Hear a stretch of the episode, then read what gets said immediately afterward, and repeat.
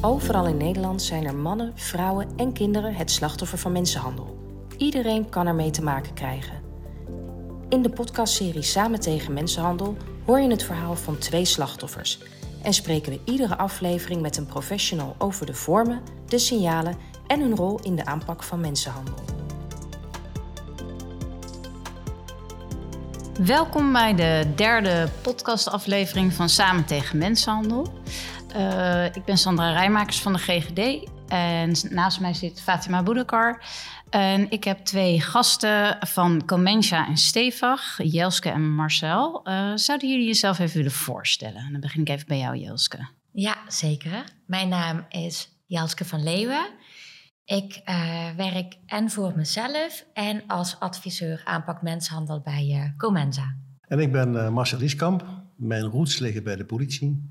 Ik ben de laatste zes jaar bezig met bestrijden van mensenhandel. Bij Koraal gewerkt en nu bij Stevig om te kijken of we tot een betrouwbaar dalenprofiel kunnen komen. En nu ben ik heel erg benieuwd, want ik denk niet dat iedereen uh, deze organisaties kent, Stevig en Comensa. Kunnen jullie daar iets meer over vertellen? Wat is uh, Comensa? Ja, Comensa is uh, een landelijke organisatie en ik merk dat zelf ook wel hoor, bij voorlichtingen en bijeenkomsten, dat we toch wel een afstand hebben tot het lokale en regionale, omdat er natuurlijk heel veel afspraken regionaal gemaakt zijn. En Comensa komt op voor de rechten en belangen van slachtoffers van mensenhandel. En we hebben daarin vijf kerntaken. Dus de eerste kerntaak is de aard en omvang in beeld brengen. En dat is natuurlijk een hele belangrijke taak, omdat mensenhandel iets is wat onzichtbaar is. En cijfers geven dan nog enig inzicht in hoe groot het probleem is. Um, ook een kerntaak is voorlichting en bewustwording. Uh, dus bijeenkomsten geven, uh, bewustwordingscampagnes en workshops geven. Um, dan de derde kerntaak is de verbindende rol die wij hebben. Comensa is um, als landelijke organisatie de verbindende schakel tussen al die ketenpartners die belangrijk zijn in de ketensamenwerking mensenhandel. We zijn ook voorzitter van het zorgcoördinatorenoverleg, van het Veilig Thuis Aandachtsfunctionarissenoverleg. Dus zo brengen we de partners samen. En natuurlijk de helpdesk, uh, de zorg en uh, opvang van slachtoffers van mensenhandel. En als laatste kerntaak zijn we de schakel naar de overheid. Dus wij signaleren in het land wat zijn de knelpunten en dat um, dat geven we aan bij de overheid eigenlijk om aan te geven: oké, dit is wat we zien. We horen natuurlijk heel veel terug vanuit verschillende partners. En om een voorbeeld te geven, uh, de opvang van slachtoffers is bijvoorbeeld een knelpunt. En dan hebben we ook gesprekken met het ministerie om te kijken hoe zij daarin kunnen faciliteren. Dat zijn de vijf kerntaken in de aanpak van mensenhandel. En uh, Stevig is het? Stevig is een ja. uh, zorgorganisatie. Mm -hmm. Daar worden uh, mensen behandeld met een strafrechtelijk kader. En um, een van de doelgroepen binnen Stevig zijn mensen die seksueel grensoverschrijdend gedrag hebben gepleegd. Dat zijn mensen die seksuele delicten hebben gepleegd. Maar ook mensen die seksueel hebben uitgebuit. en de doelgroep is licht verstandelijk beperkt of ernstig gedrag gestoord. En als jullie kijken naar het onderwerp mensenhandel, waar hebben we het dan over? Want er zijn verschillende vormen. Wat mij betreft, want ik, wij leiden samen met Jelske leiden we het programma, een verkennend programma, om erachter te komen wat nou een goed dadenprofiel van een seksuele uitbuiter is. Dat is ook een mensenhandelaar. Maar wij be houden ons, beperken ons tot seksuele uitbuiting en niet tot arbeidsuitbuiting, criminele uitbuiting of anderszins. En Comensa wel, hè? Ja, ja. Marcel noemde de andere vormen al. En dan heb je ook nog gedwongen orgaanverwijdering. Dus seksuele uitbuiting, arbeidsuitbuiting, criminele uitbuiting en gedwongen orgaanverwijdering. Die laatste, die komt uh, weinig voor in Nederland. Het delict is vaak uh, in het buitenland dat het delict daar plaatsvindt. Maar het is wel een vorm van mensenhandel waarvan we vermoeden dat het voorkomt. Maar die andere drie, daar hebben we ook echt cijfers en casuïstiek van. Dus uh, bij Comensa gaat het echt om alle vier de vormen. En je noemt het al, we hebben daar cijfers en casuïstiek van. Nou ben ik gelijk benieuwd, wat zijn dan de cijfers? Ja, dat is een uh, interessante vraag, een belangrijke vraag ook. Want als het gaat om cijfers, dan is het altijd de halve waarheid. En mensenhandel speelt zich af in in de luwte en je ziet het niet. Het wordt ook eigenlijk niet goed gesignaleerd. Dus um, de cijfers die we hebben, dat, zijn de, dat is het geregistreerd aantal slachtoffers bij Comensa. Dat is wat we weten. Maar de Nationaal Rapporteur Mensenhandel maakt natuurlijk een schatting. En dat is een betrouwbare schatting van hoeveel slachtoffers er in Nederland zijn per jaar. Dus als we kijken naar de cijfers van de schatting, dan zegt de Nationaal Rapporteur dat er tussen de 5000 en 7500 slachtoffers uh, op jaarbasis er in Nederland zouden moeten zijn. Als we kijken naar het geregistreerde aantal slachtoffers, wat bij Comensa is gemeld in 2022, dan uh, zijn dat 814 slachtoffers. Dus wat je ziet, is eigenlijk die, is, is een enorm gat tussen het uh, de, als je kijkt naar het minimum van de schatting, hè, 5000, en 814. Ja. Dus wij van, ja, we weten zeker dat er zoveel slachtoffers nog in onveiligheid zitten. En misschien is het ook wel interessant om te melden dat men denkt altijd dat het voorkomt in de Randstad. Mm -hmm. Maar dat is gewoon niet zo. Ja, daar ben ik wel benieuwd naar. Want wat dus, is dan. Uh, dus het, is, het is, kan overal in Nederland uh, gebeuren. Ja. En extra kwetsbare regio's zijn wel ook grensprovincies. Ah. Uh, en, en, waarom? Omdat dan zeg maar de delinquenten of die delinquenten plegers die kunnen die de meiden makkelijk verplaatsen. Hm. die kunnen de ene week werken ze in Duitsland en dan weer, weer in Nederland en dan weer in België. Dus die grensprovincies, dat is ook wel, daar komt wel veel vaak voor. Ja. En even Comentia, want die cijfers, nou dat is een enorm verschil. Worden alle slachtoffers bij jullie gemeld? Omdat jullie een landelijke organisatie zijn? Ja, de bevoegde autoriteiten zijn verplicht om slachtoffers te melden bij ons. Dan heb ik het over politie, Koninklijke Marechaussee en de Nederlandse Arbeidsinspectie. En zorgprofessionals en veiligheidsexperts, die hebben geen meldplicht om slachtoffers bij ons te melden. Oh ja. Dus dan zie je dat eigenlijk ook een aantal knelpunten daarin zijn. De, de AVG, vertrouwensband met een slachtoffer mogelijk. Dat zijn, ja, dat belemmert het melden dan toch wel. Ja. terwijl juist slachtoffers melden ervoor zorgt dat we meer inzicht krijgen in hoe groot het probleem is. En dat ook eigenlijk instanties en overheden daar weer beleid op kunnen maken. Dus het is wel enorm belangrijk om puur ter registratie bij ons te melden. Wat zeg je daarmee dat, niet, uh, dat er misschien heel veel slachtoffers wel uh, bijvoorbeeld bij de politie terechtkomen, maar dan niet gemeld worden bij jullie? Of, uh... Ja, de politie heeft een meldplicht, maar wat ook ja. het complexe is aan mensenhandel, is dat, ja, wanneer is het mensenhandel? Wanneer hebben we het over uitbuiting? En heel vaak bij heel veel vormen komt het niet tot een bewezen verklaring. Hm. En is er geen bewijslast. Slachtoffers melden zichzelf niet. Uh, dat komt door angst, door schaamte of omdat zij niet eens uh, weten dat ze uitgebuit worden. Dus heel vaak komt het niet tot uh, het, het, het wetsartikel 273f en hangt het daar nog onder.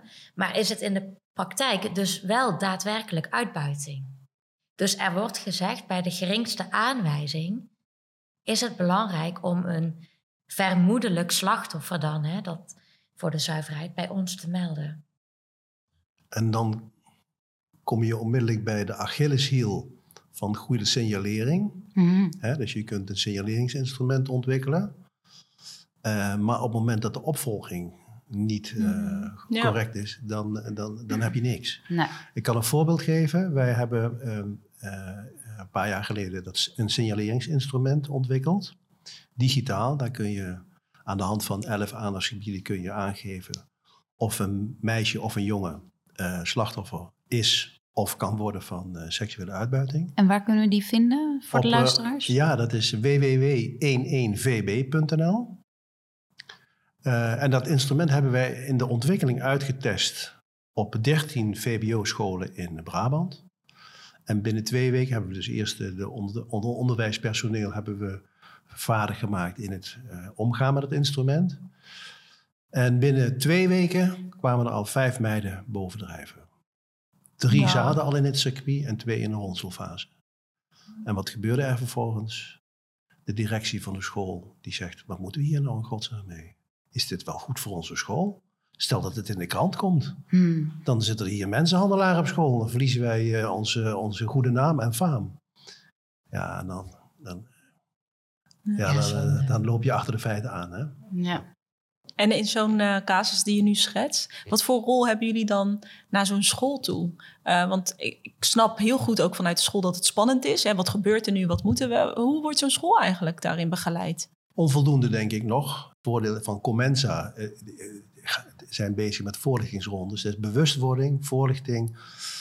Zorgen dat je de juiste signalen kunt, kunt. En maar ook heel belangrijk is, wat kun je dan met die signalen doen? Waar moet je terecht? Dat luistert heel erg nauw. Hè? Uh, bijvoorbeeld uh, als je het vermoeden hebt dat een meisje uit de schaamtecultuur vermoedelijk slachtoffer is. Wat je dan niet moet doen, is de ouders erbij betrekken. Ja. Want, want dan heb je kans dat zo'n meisje zeg maar, binnen twee weken het land uit is. Terug naar haar eigen land. Dus dat zijn van die dingetjes, die, die kun je in voorlichting bewustwording kun je dat benadrukken. En ervoor zorgen dat de opvolging ook deugdelijk is. Wij, toen ik bij de politie werkte, toen kregen wij vaak meldingen van, uh, van pizzabezorgers. Die zeiden van, uh, daar zijn we niet pluis Wij brengen daar vijf keer per week brengen we daar pizza's rond. Maar als die deur open gaat, dan zie ik allerlei matras op de grond liggen. Er zijn allerlei rare auto's voor de deur. Volgens mij klopt er niks van. Kijk, als je zo'n melding niet opvolgt, mm dus ik denk wel, ja, je zou, want jou mooi, uh, alle pizza-couriers, alle thuisbezorgers, zou je een opleiding kunnen geven van het signaleren van mensenhandel. Ja. ja. Maar ja, dan moet je wel de opvolging goed regelen natuurlijk. Ja, ja precies. Ja. niet iets waar je heel snel aan denkt, inderdaad, aan pizza-couriers, dat zij uh, best wel een ogen, belangrijke dus, rol kunnen spelen. Ja, zeker. Ja, of pakketbezorgers, weet je, die ook achter de voordeur komen. Ja. Of um, ja, tandartsen, huisartsen eigenlijk als het gaat om signalering, heeft iedereen daar een hele belangrijke rol in. Ja. En als je het dan hebt over mensenhandel, en je hebt het nu over grote steden, uh, zit er dan nog verschil in de vormen van mensenhandel per stad? Gebied? Ja, daar zit ook verschil in. Wat we weten is dat seksuele uitbuiting uh, de vorm is uh, uh, waar de, de meeste geregistreerde slachtoffers zijn en in die sector uitgebuit. In uh, die zijn seksueel uitgebuit. Maar dat wil dus niet zeggen dat dat ook de vorm van mensenhandel is die het meest voorkomt. Hm. Omdat de cijfers bij mensenhandel dus niet alles zeggen. Maar zie je dan wel dat er in Rotterdam andere vormen van uh, mensenhandel zijn die er meer uitspringen dan bijvoorbeeld bij Amsterdam of Den Haag? Ja, voor criminele uitbuiting, daar is ook meer aandacht voor gekomen. Dus daar zie je ook dat er veel meer ook daar signaleren en ook zien, dit is mogelijk criminele uitbuiting. Hè, in plaats van gewoon een jongere die in de drugscriminaliteit zit. Arbeidsuitbuiting is ook gelukkig meer aandacht voor gekomen. Maar we hebben ook in het land regionale afspraken en uh, samenwerkingen. Dus we hebben een landelijk dekkend netwerk van zorgcoördinatoren. En die kunnen dan, ja, die kunnen echt wat meer zeggen over de cijfers en de vormen in de regio en wat daarin voorkomt. En je noemt uh, zorgcoördinatoren. Ja. Wat uh, houdt dat in? Wat doen die? Zij coördineren de zorg en opvang van slachtoffers van, uh, van mensenhandel. En zij hebben dus ook echt de expertise en, en de kennis ook het voorbeeld wat Marcel net benoemde van mogelijk een, een, meisje met een schaamtecultuur of er is sprake van eer, dan is het zo ontzettend belangrijk om kennis en expertise te hebben van, nou ja, van mensenhandel sowieso, maar ook van de benadering, ook van de bejegening. Wat zijn de do's en don'ts? Wat zeg je in een gesprek en wat niet? Die kennis, die hebben de zorgcoördinatoren slachtoffers mensenhandel. En we hebben een landelijk dekkend netwerk, dus daar zijn we heel blij mee. Elke regio heeft een zorgcoördinator uh, slachtoffers mensenhandel. Maar ook gekeken naar de vorm criminele uitbuiting en ook de verkenning die we samen doen. Als je kijkt naar de verwevenheid daderschap en slachtofferschap. Uh, bijvoorbeeld een uh, jongen die um, gedwongen drugs moet vervoeren. Dan he hebben we het al bijna over criminele uitbuiting, dus een vorm van mensenhandel. Stel nou dat je in je benadering en bejegening vanuit daderschap insteekt, wat ook nog best wel vaak gebeurt bij, bij organisaties zoals reclassering of politie. Hè? En logisch, want in beginsel is er een strafbaar feit gepleegd. Ja. Maar dan heb je wellicht in sommige gevallen uh, niet de juiste focus. En als je in zou steken met een verbrede blik, dus ook deze jongen is mogelijk slachtoffer, dan heb je de juiste focus. Dan heb je een verbrede blik en dan kan je ook echt kijken, wat is er nou wat een slachtoffer nodig heeft? En is dit wel een dader, maar is dit niet misschien ook mogelijk een slachtoffer? of bij een slachtoffer is het mogelijk een... Ja, ja mooi, mooi dat je dat zegt. Uh, kijk, um, het voorbeeld van een, een uithaler, hè, dat, dat is een, een, knaap. Vaak zijn het uh, jongens met een lichtverstandelijke beperking. Maar die zitten al in een crimineel circuit. Wij weten uit ons programma bijvoorbeeld dat uh, uh, bijna 86% van alle plegers heeft een crimineel verleden. Hm. En dus die, die zijn al veel eerder in aanraking geweest met, uh, met, met politie en justitie. En daar zit ook een signaleringsfunctie. Hè? Dus je hebt het over een doelgroep in het criminele circuit, waarvan er een paar uit kunnen groeien tot seksuele uitbuiters. Omdat ze gevoelig zijn voor geld. Omdat ze... Dus daar begint het. Dus veel eerder zicht krijgen op uh, deze doelgroep. Misschien is het wel handig om even uh, uh, te schetsen wat het programma eigenlijk inhoudt. Hè? Er is in Nederland heel erg veel onderzoek gedaan naar slachtoffers. We weten, we, we, we, weten veel van slachtoffers. We weten dat bijvoorbeeld 40% van de slachtoffers jonger kan zijn wat heel veel mensen niet weten. Maar we weten betrekkelijk weinig van, van daders. Nou is er onlangs, een jaar of anderhalf geleden, een, een, rapport van het CKM uitgekomen. Die hebben al een opzet gemaakt van een daderprofiel op basis van 25 politiedossiers. En um, wij merken vanuit onze ervaring dat heel veel slachtoffers ook dader kunnen worden. Heel veel vrouwelijke daders zijn vroeger echt slachtoffer geweest. Uh, en als je dan bekijkt van dat ook nog 40% van alle slachtoffers jongen is, dan mag je ook aannemen dat die in hetzelfde circuit ook grootgebracht zijn. Dus wij wilden eigenlijk um, uh, meer zicht hebben, nog veel meer zicht hebben op die dader. Wat is dat voor een figuur? Waar komt hij vandaan? Wat heeft hij meegemaakt? Um, uh, wat zijn zijn, zijn, biologische kenmerken? Hoe zit zijn psyche in elkaar? hoe zit hij sociaal-cultureel in elkaar? En als je dat weet, dan kun je op basis van die informatie kun je daar uh, waarneembare gedragingen aan vastkoppelen. Wat, wat, we nu weten is dat heel veel van die plegers zijn narcisten, hebben geen empathie, helemaal weinig gewetenontwikkeling. Hmm. Um, als je dat weet, dan kun je daar ook in de behandeling kun je daar veel effectiever mee omgaan. Dus dat is één reden. En je kunt in de preventiesfeer daar veel meer mee doen. Wat ik net al zei, hè, als je weet dat uh, eh, 86% uit het criminele circuit komt, al veel eerder dus in aanraking is geweest met justitie en politie, dan kun je ook bij die doelgroep signaleren en zeggen van, hou, wacht eens eventjes, we hebben hier te maken met een doelgroep. Als we hier op tijd bij zijn, dan kunnen we misschien voorkomen dat ze afgeleiden naar deze vorm van criminaliteit. En zie je ook dat uh, bij daders het recidiefrisico veel groter is op, in dit onderwerp, zeg maar? Het recidive is groot. De, de, cijfers lopen daarvan uiteen. Hè. Sommige organisaties zeggen 40% recidiveert. Anderen zeggen het is meer dan 50%. Ook uit Amerikaans onderzoek blijkt dat uh, heel veel uh, seksuele uitbuiters recidiveren. Maar wat ons zorgen baart is dat 86% van alle plegers een, al een criminele carrière heeft ontwikkeld. Ja. En soms behoorlijk zware delicten. En is daar nog wat over te zeggen? Wat voor delicten dan? Nou, dat, dat, kijk, de overlap tussen, seksu overlap tussen seksuele uitbuiting en criminele uitbuiting is, is best uh, uh, groot. En um, kijk, wat we ook weten is dat de, de, de, de doelgroep kikt op geld. Mm um, bling bling, um, zijn vaak ook opgegroeid in een setting waarin het makkelijk geld verdienen is.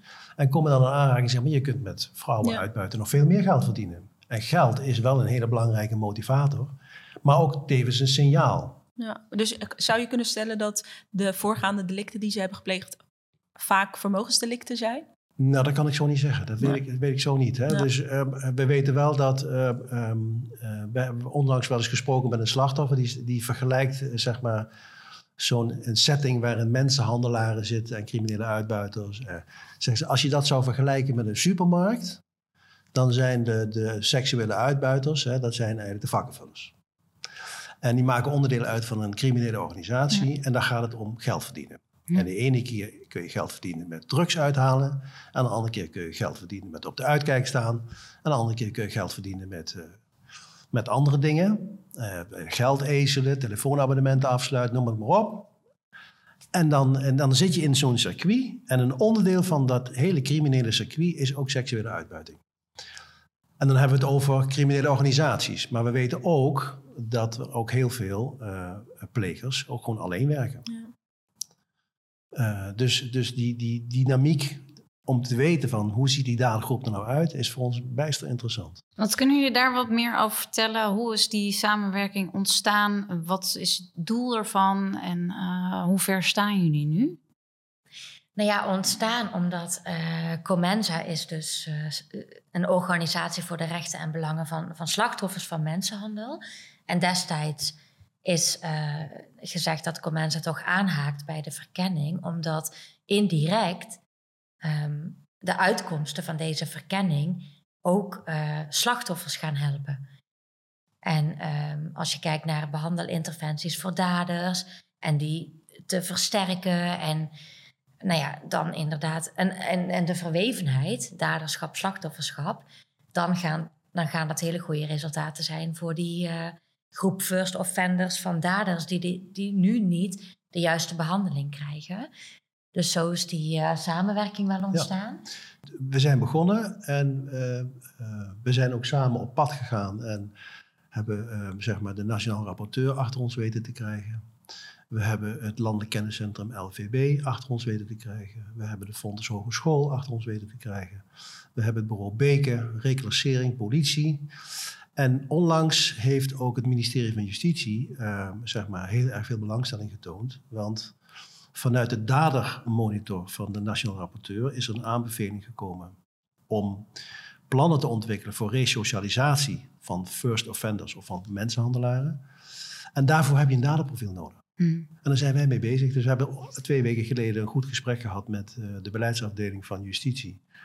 En die zijn hartstikke blij. Want we hebben eigenlijk al een deel van hun, uh, hun, hun onderzoek uh, gedaan.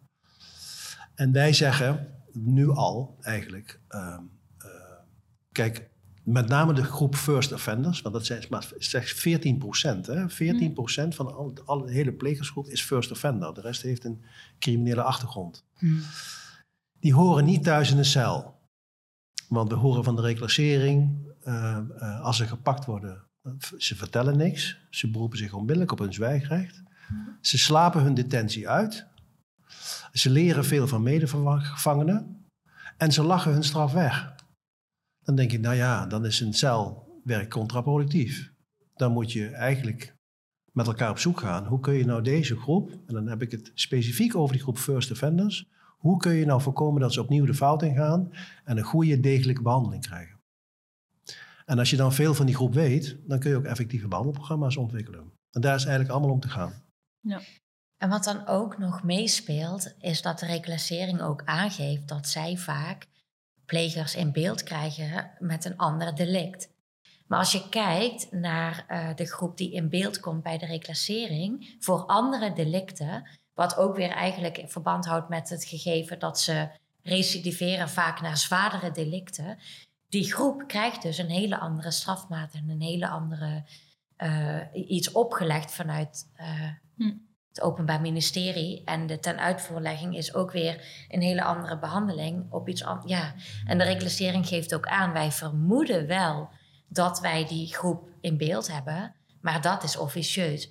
Ze komen voor een, iets, een ander delict binnen. Dat maakt het ook wel lastig. En hoe weten jullie dat? Want ze komen voor een ander delict, uh, delict binnen. En er zijn dan wel vermoedens van uh, uitbuiting, of het nou crimineel of seksueel. Wie komt daarachter? Is dat de reclasseringswerker? Zelf. Ja, zelf, daar komen ze zelf achter. Daar komen ze zelf ze, achter. Ze zien het gewoon, ook, ook bij de politie vaak. Hè? Dus, dus vaak is het een combinatie van delicten die ze gepleegd hebben. Komen, worden, komen ze niet alleen binnen voor seksuele uitbuiting, maar ook nog voor andere dingen. Alleen seksuele uitbuiting is dan moeilijk te bewijzen. Omdat je hebt ook nog een verklaring van de slachtoffer nodig. Je hebt een verklaring van de verdachte nodig die niks zegt. En dan is de stap naar het vervolgen naar een makkelijk bewijsbaar delict is snel gezet. Ja. Maar dan heb je iemand vastzitten uh, zeg maar, die ook uh, seksueel heeft uitgebuit, maar voor andere delicten. En, dat, en die komen dan bij de reclassering terecht. En die vermoeden dat wel. Maar die behandelen dan op basis van het uh, delict wat ze hebben gepleegd ja. en wat bewezen is. En jullie hebben het wel uh, net over de kleine groep uh, first offenders. Hè? Dat het belangrijk is om naar een passende behandeling, uh, dat dat misschien effectiever is dan detentie. En hoe zit het dan met die overige groep daders die dus al meerdere delicten hebben gepleegd? Is dat dan, is daar detentie wel passend voor? Nee, detentie, detentie moet altijd in combinatie gaan met, met behandeling. Detentie alleen heeft, heeft geen zin. Tenminste, dat, dat blijkt ook alle cijfers. Hè. Je kunt iemand straffen. En dat is de, de, de ouderwetse vergeldingstheorie. Hè? Dus maar, iemand heeft een strafbaar feit gepleegd en die moet daarvoor boeten. Maar in ons strafrechtstelsel staat ook, je moet ook uh, maatregelen treffen, opdat hij weer op een normale manier in de samenleving kan functioneren. En daar heb je behandeling voor nodig. Alleen straffen, in mijn optiek, hm. dat heeft niet zoveel uh, zin. Uh, moet wel, want je moet, sommige mensen moet je isoleren vanuit de samenleving, hè, omdat ze een gevaar zijn voor zichzelf of voor een ander. Dus straffen is wel degelijk, heeft zijn nut. Maar heel veel worden daar niet beter van. Ze worden beter als je ze effectief behandelt. Dus straffen en behandeling gaat altijd samen. En wij richten ons nu al lerende, al, we zijn een, we zijn een, verkennend programma gestart en we ontdekken steeds uh, toch wel nieuwe dingen je moet ook um, zeg maar concreet kunnen zijn in je resultaten. En daarom hebben wij voor onszelf uh, en ook in uh, overleg met anderen gezegd van als we nou ons eens zouden richten op die first offenders, dan heb je misschien kans dat je daar resultaten kunt gaan behalen. Als we daar eens een proeftuin van kunnen maken, en uh, dan neem ik een beetje een voorschot, binnen stevig worden mensen behandeld met een, met een strafrechtelijk kader. Daar staat een forensische psychiatrische afdeling, een gebouw waar uh, uh, cliënten worden behandeld met, uh, met een seksueel delict. En daar staat een gebouw leeg. En nou zouden wij het ontzettend mooi vinden als we zouden zeggen: stel je voor dat we een, kunnen werken aan een effectief behandelprogramma op basis van wat we nu weten. Mm-hmm. En we hebben ook de ruimte om dat uit te proberen. Dus we kunnen ja. daar zeven of acht first offenders met een strafrechtelijk kader plaatsen en dan experimenteren met goede uh, behandelinterventies. En kijken of dat werkt. Nou, ja. dat zou voor mij al een mooi uh, resultaat zijn. Ja, en die behandelprogramma's, dat gaat nog komen, want jullie zijn echt nog wel uh, bezig met het programma. hebben jullie al, zijn jullie al dingen tegengekomen dat je denkt, nou, dit gaat gewoon goed, dit werkt? Nee, Okay. Nee, kijk, nee, nee, echt niet. Kijk, en, ja. en, we hebben ook niet de illusie dat dit programma nou een, het ei van Columbus gaat worden in de interventie- en behandelprogramma's. Want er is ontzettend veel kennis en kunde uh, binnen de forensische uh, uh, psychiatrie om zeg maar behandelprogramma's te ontwikkelen. Maar, maar misschien um, wat we ook gemerkt hebben in het, in, uit de literatuur, is dat uh, slachtoffers worden als slachtoffers behandeld en daders als daders. Wat Jelske net al zei, als je slachtoffer alleen als slachtoffer behandelt, dan vergeet je misschien uh, effectieve maatregelen of behandelinterventies te bedenken. Om, voor daders, want hij ja. is misschien wel dader geweest. En andersom. Dus je, dat is een gemiste kans. Dus ik denk dat er ontzettend veel uh, kennis en kunde is. Um, maar misschien dat we met dit programma uh, de juiste knopjes uh, kunnen vinden om het nog beter te doen. En ik zou nu echt wel heel graag ook willen inzoomen op dat daderprofiel. Want daar, hè, dat vroeg ik net ook van uh, hoe ver staat dat dan? En wat hebben jullie al aan resultaten? En waar willen jullie naartoe daarin? Kunnen jullie daar wat uh, over vertellen? Ja, het daderprofiel is gericht op biologische kenmerken, psychische kenmerken en uh, sociaal-culturele kenmerken. We zijn begonnen met een, een data-analysefase. We hebben 100 strafzaken geanalyseerd. we hebben ruim 100 mediapublicaties geanalyseerd. Uh, we hebben ook werksessies belegd met uh, zorgprofessionals, veiligheidsexperts um, uit de justitiële keten. We hebben in ruim 120 professionals, uh, die hebben in werksessies gehoord. Um, nou ja, we hebben dus heel veel bronnen geraadpleegd. En uiteindelijk komen we, als we kijken bij biologische kenmerken, dan is het dus overwegend man. En uh, nou ja, dat is ook wel als een beetje dus wat Marcel al zei. Het CKM had ook al een eerste opzet gemaakt. Dat is ook een beetje de aanleiding omdat wij een aanvulling daarop willen onderzoeken nu. Uh, maar de leeftijd is dan gemiddeld 26 jaar. Ja. En als je dan kijkt naar de psychische kenmerken, dan kom je echt wel uit op het eigenlijk gekeken naar de DSM-classificatie, die in de psychiatrie gebruikt wordt, bij de cluster B-diagnostiek. Dus dat komt uit de werksessies, maar ook uit de strafzaken, dat het bij een mensenhandelaar voornamelijk toch wel gaat uh, bij psychische kenmerken om de stoornissen, narcisme, antisociaal, um, theatrale persoonlijkheidsstoornis. Nou ja, dat, dat, is echt dat cluster B-type van de DSM.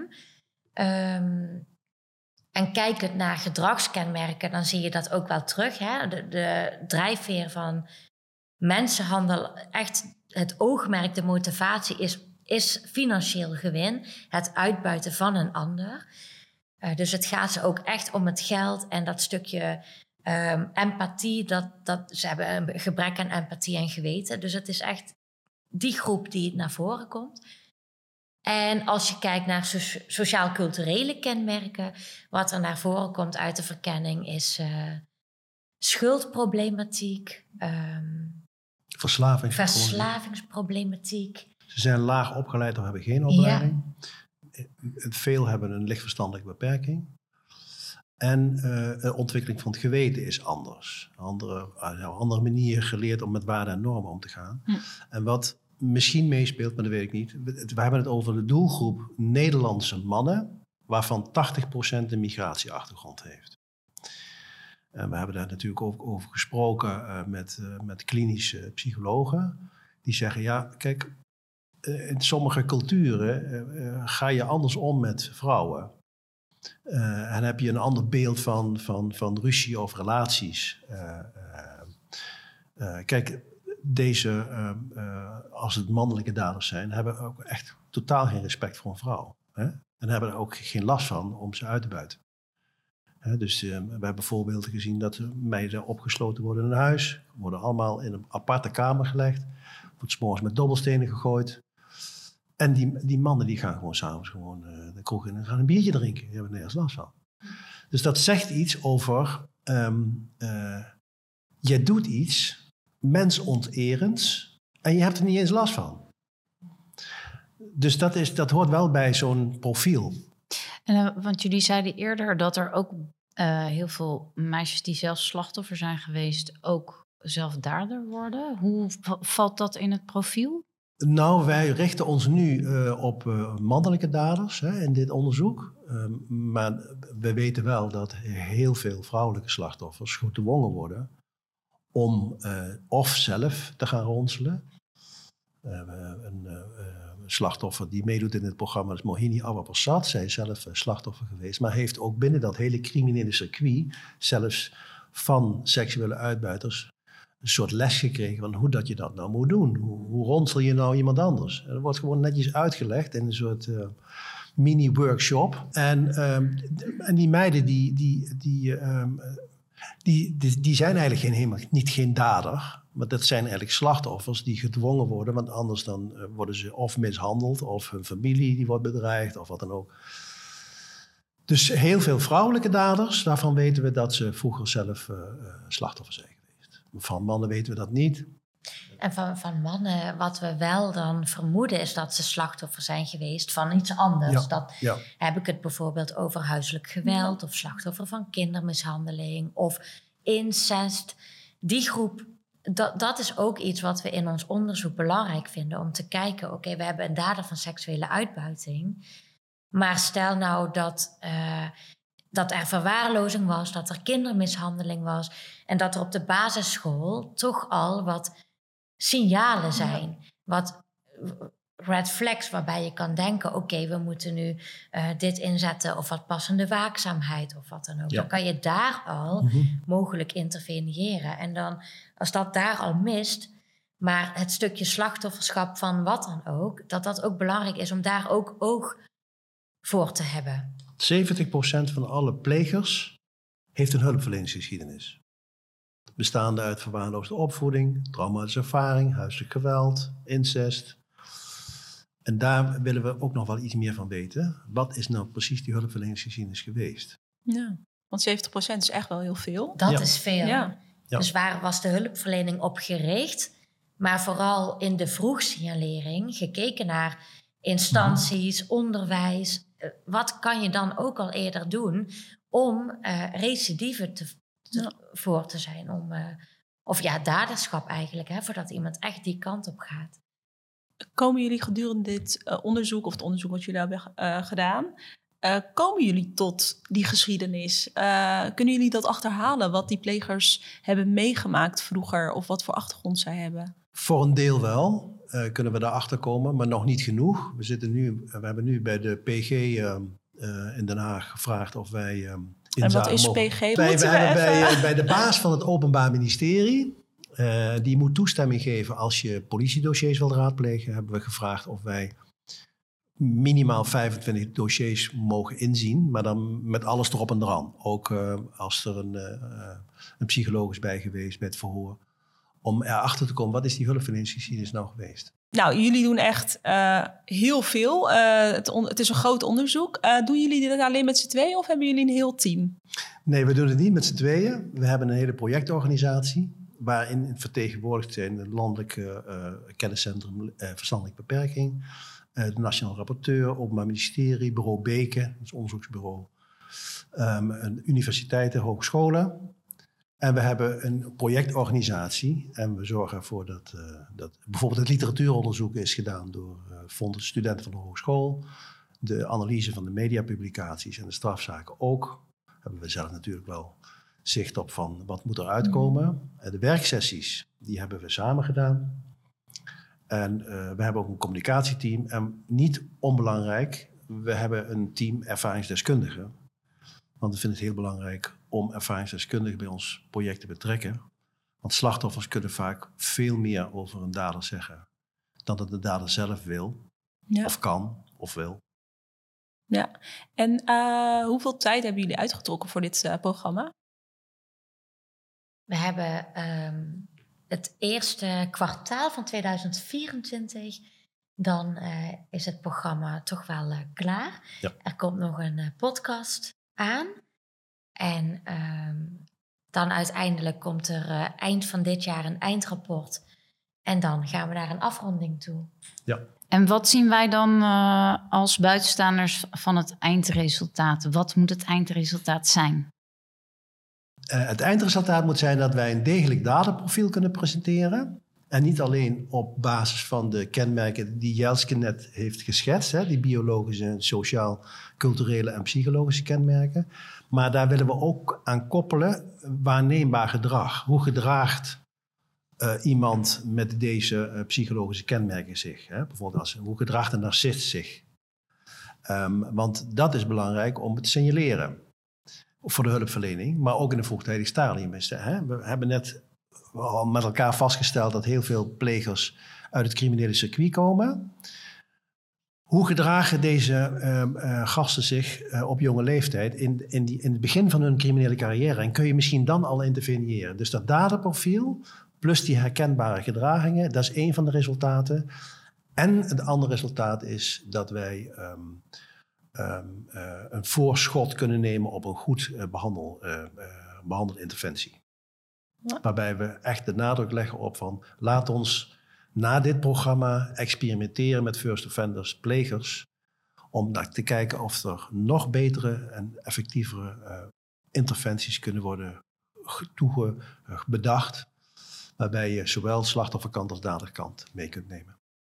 Ja, en met dat eerste, met die context die je eraan plakt dan, hè, dat vinden we ook heel erg belangrijk, omdat er is niet één daderprofiel natuurlijk. Dus die waarneembare gedragingen, die maken het ook meer uh, concreet en, met die context eraan. Wat kan een wijkagent uh, signaleren? Wat kan er op school gesignaleerd worden?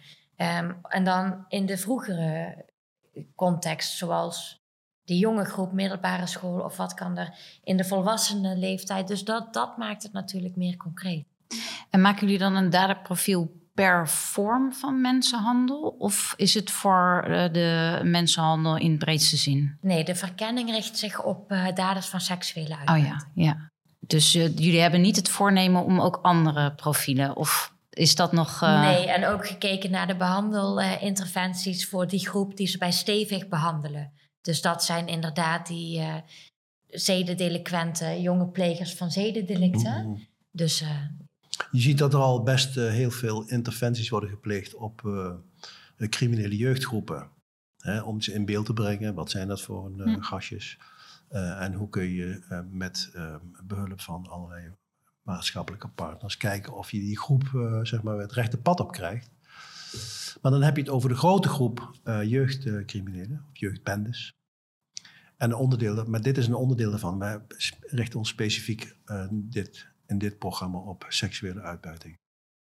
En kunnen jullie al iets uh, delen over die waarneembare gedragingen? Want hè, ook de mensen die naar deze podcast luisteren, uh, wat zijn signalen? Waar, wat, wat valt nou op?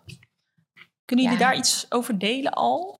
Ja, wat, je, wat wij willen is nog meer concreet. Hè? Dat zou het mooiste zijn. Maar wat terugkomt uit de werksessies zijn gedragingen toch wel zoals ja, veel liegen. Uh, mijn wil is wet, hè, gekrenkt als iets niet gaat hoe, hoe diegene wil dat het gaat. Uh, onvoorspelbaar vrolijk zijn, maar ook onvoorspelbaar driftig worden. Mm. Zeg echt, echt uh, narcistisch, manipulatief gedrag. Manipulatief, inderdaad. Ja. Uh, ja, en wij willen echt, echt er naartoe van, oké, maar wat is waar te nemen? Wat zie je? Wat zie je dan echt? Maar dit zijn wel de gedragingen waar je dan aan moet denken.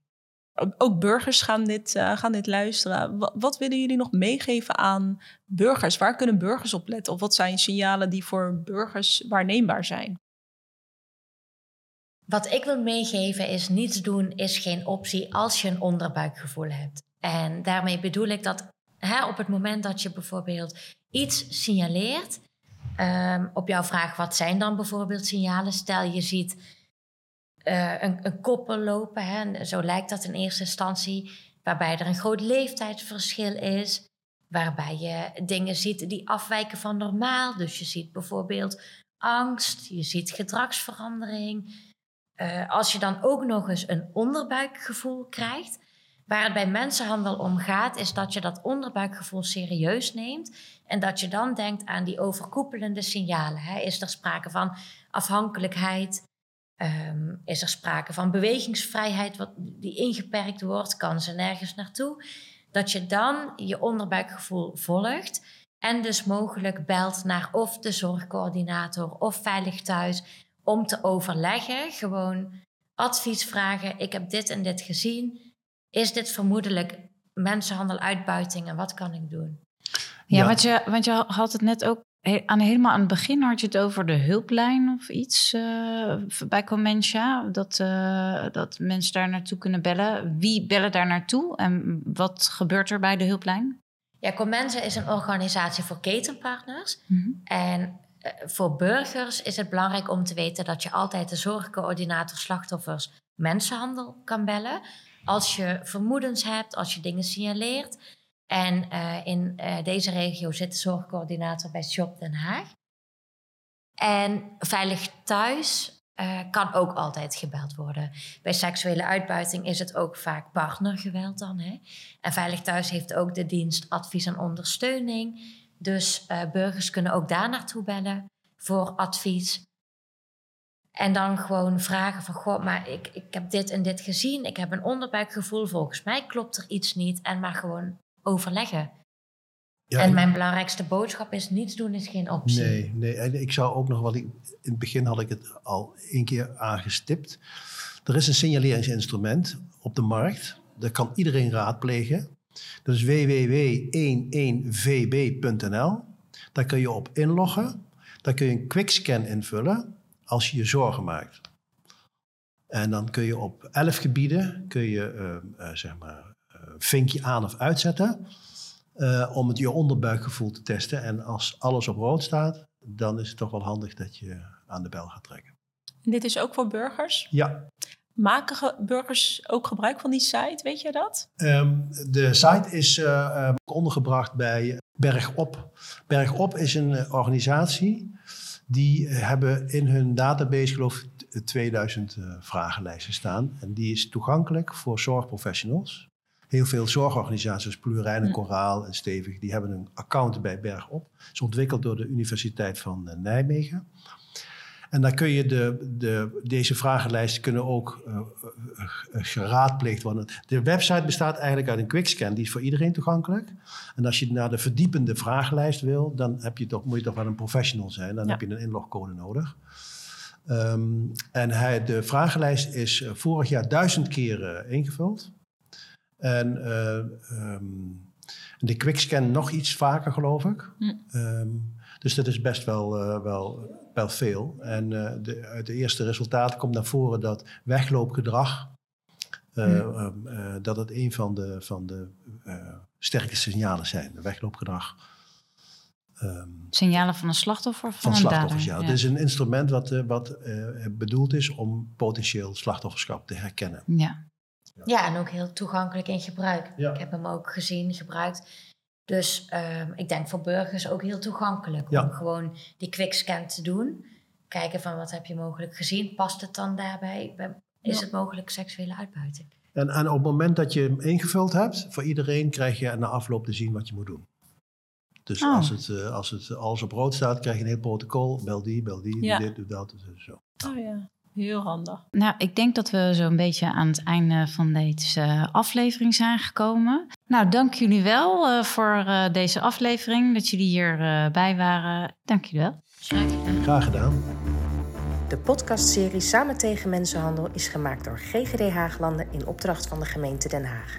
In samenwerking met Shop, AFIM, Comentia, Stevig en het Openbaar Ministerie voor de Haagse Week tegen Mensenhandel. Wil je meer weten over mensenhandel? Kijk op mensenhandelhaaglanden.nl.